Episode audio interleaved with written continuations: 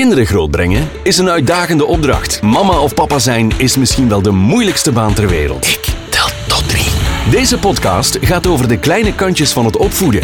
Wij brengen echte verhalen met een knipoog, een traan en een lach. Want wat is het een voorrecht om dat kleine mensje te zien opgroeien met het hart op de juiste plaats. Welkom bij Ik tel tot drie. Plots is het zover. Kind is goed op weg om een echte tiener te worden met alles erop en eraan.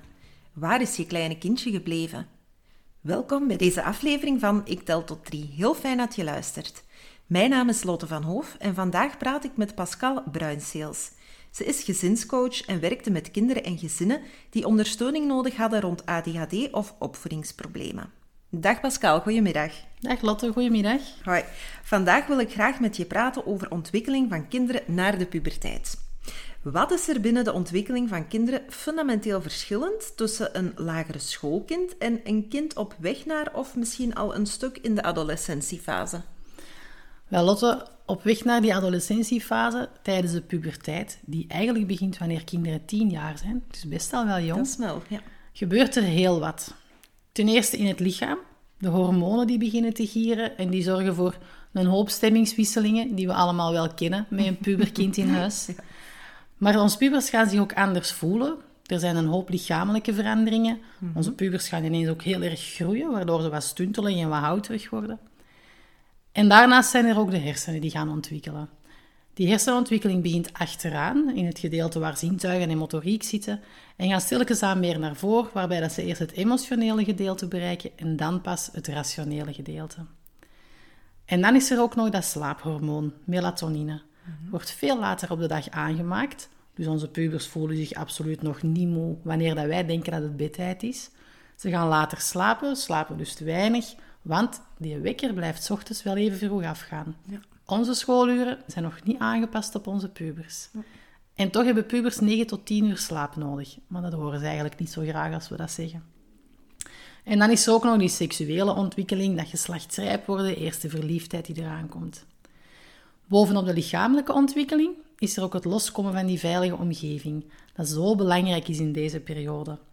Onze pubers moeten gaan werken aan zelfstandigheid, aan autonomie, aan zelfredzaamheid, om te kunnen uitvliegen als heel zelfstandige en zelfredzame volwassenen later.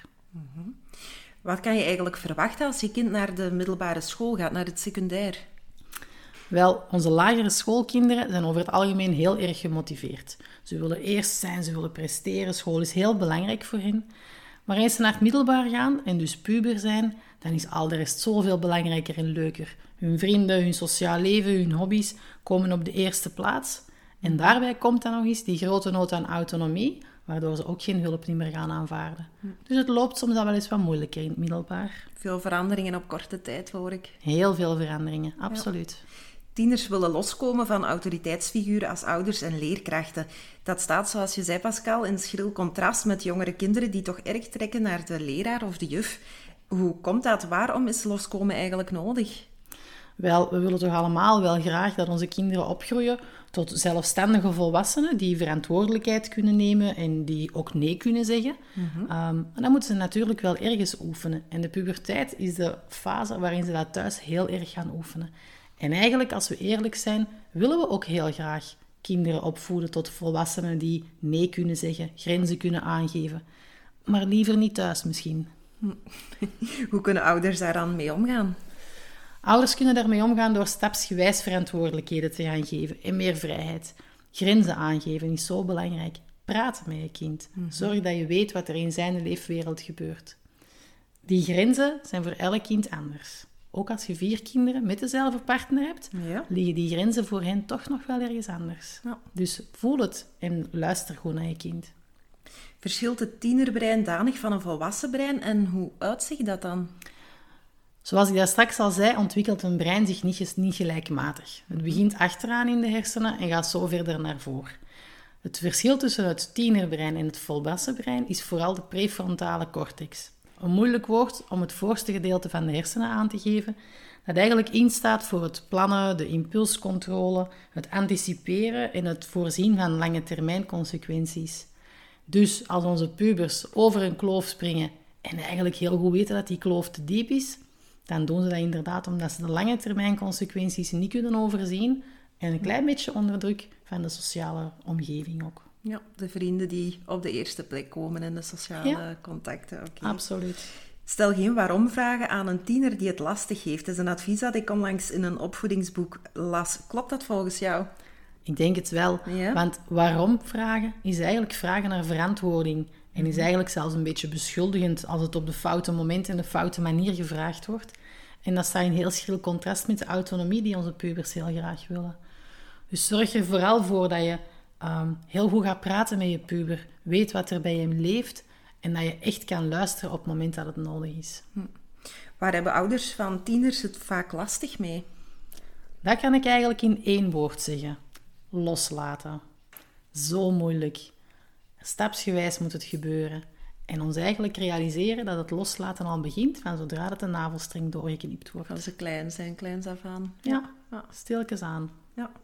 Tieners zijn op zoek naar zichzelf, naar wie ze zijn, want dat past binnen hun identiteitsontwikkeling. Hoe kan je die zoektocht als ouder een helpende hand geven volgens jou? Door in de eerste plaats te zorgen voor goed contact en verbinding. Zorg ervoor dat jij je puber goed kent, dat jij heel goed weet wat er eigenlijk allemaal in zijn wereldje afspeelt. Door naar hem te luisteren, zonder te oordelen. Niet te gaan preken of met adviezen aan te komen. Dat is het laatste wat ze nodig hebben op dit moment. Ook niet aan te komen draven met uh, oplossingen. Laat ze zelf maar nadenken. Mhm. En echt luisteren. Ik kreeg ooit de tip, in plaats van adviezen te geven, probeer eens te papegaaien. Als uw puber thuis komt en zegt, god, die rotleerkracht van wiskunde, niet gaan zeggen dat dat geen rotleerkracht is. Zeg maar gewoon, oei, een rotleerkracht. En meestal gaan ze dan zelf wel wat nuanceren daarna. Mhm. Hoe kunnen ze zich beter leren kennen? Is door de positieve boodschappen en de complimenten die wij ze geven. Want wij wijzen op dat moment op hun kwaliteiten en zo gaan ze daar zelf ook verder over nadenken. ja. En ook door een goed voorbeeld te zijn natuurlijk. Mhm. Want onze kinderen, en dus ook onze pubers, leren van wat ze zien. Veel minder dan van wat ze horen.